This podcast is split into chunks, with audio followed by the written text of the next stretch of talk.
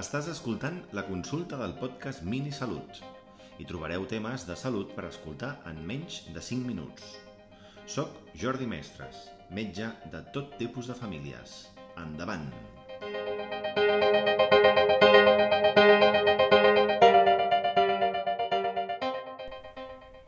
Aquests dies està corrent molt per xarxes un article recentment publicat a la revista The Lancet sobre la càrrega global de càncer atribuïble a factors de risc evitables. En aquest sentit, inclou, per una banda, factors de risc evitables de tipus individual, que tenen molt a veure amb el que coneixem com a factors de risc relacionats amb els estils de vida, però també d'altres que tenen una solució o unes accions més de tipus generals o governamentals, com per exemple totes les mesures i les lleis contra el tabac o que treballin en la resolució i en la reducció de la contaminació ambiental o laboral. Aquest estudi conclou, en termes globals, que les principals causes evitables de càncer són, com a primer lloc, el consum de tabac. Aquí inclou l'exposició al tabac en els fumadors passius, també com una de les causes més importants d'etiologia del càncer.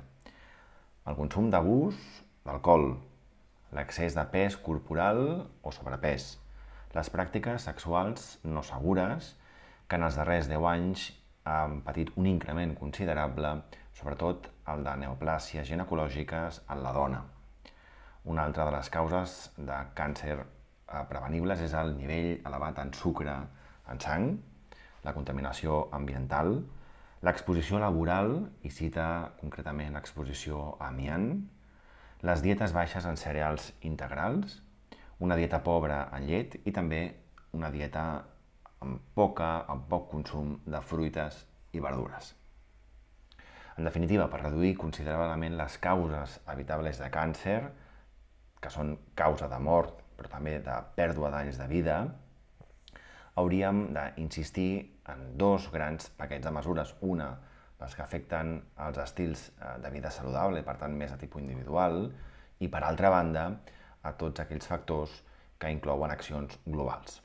En definitiva, per menys càncer i millor salut, hauríem de començar a incidir en aquestes causes principals de càncer.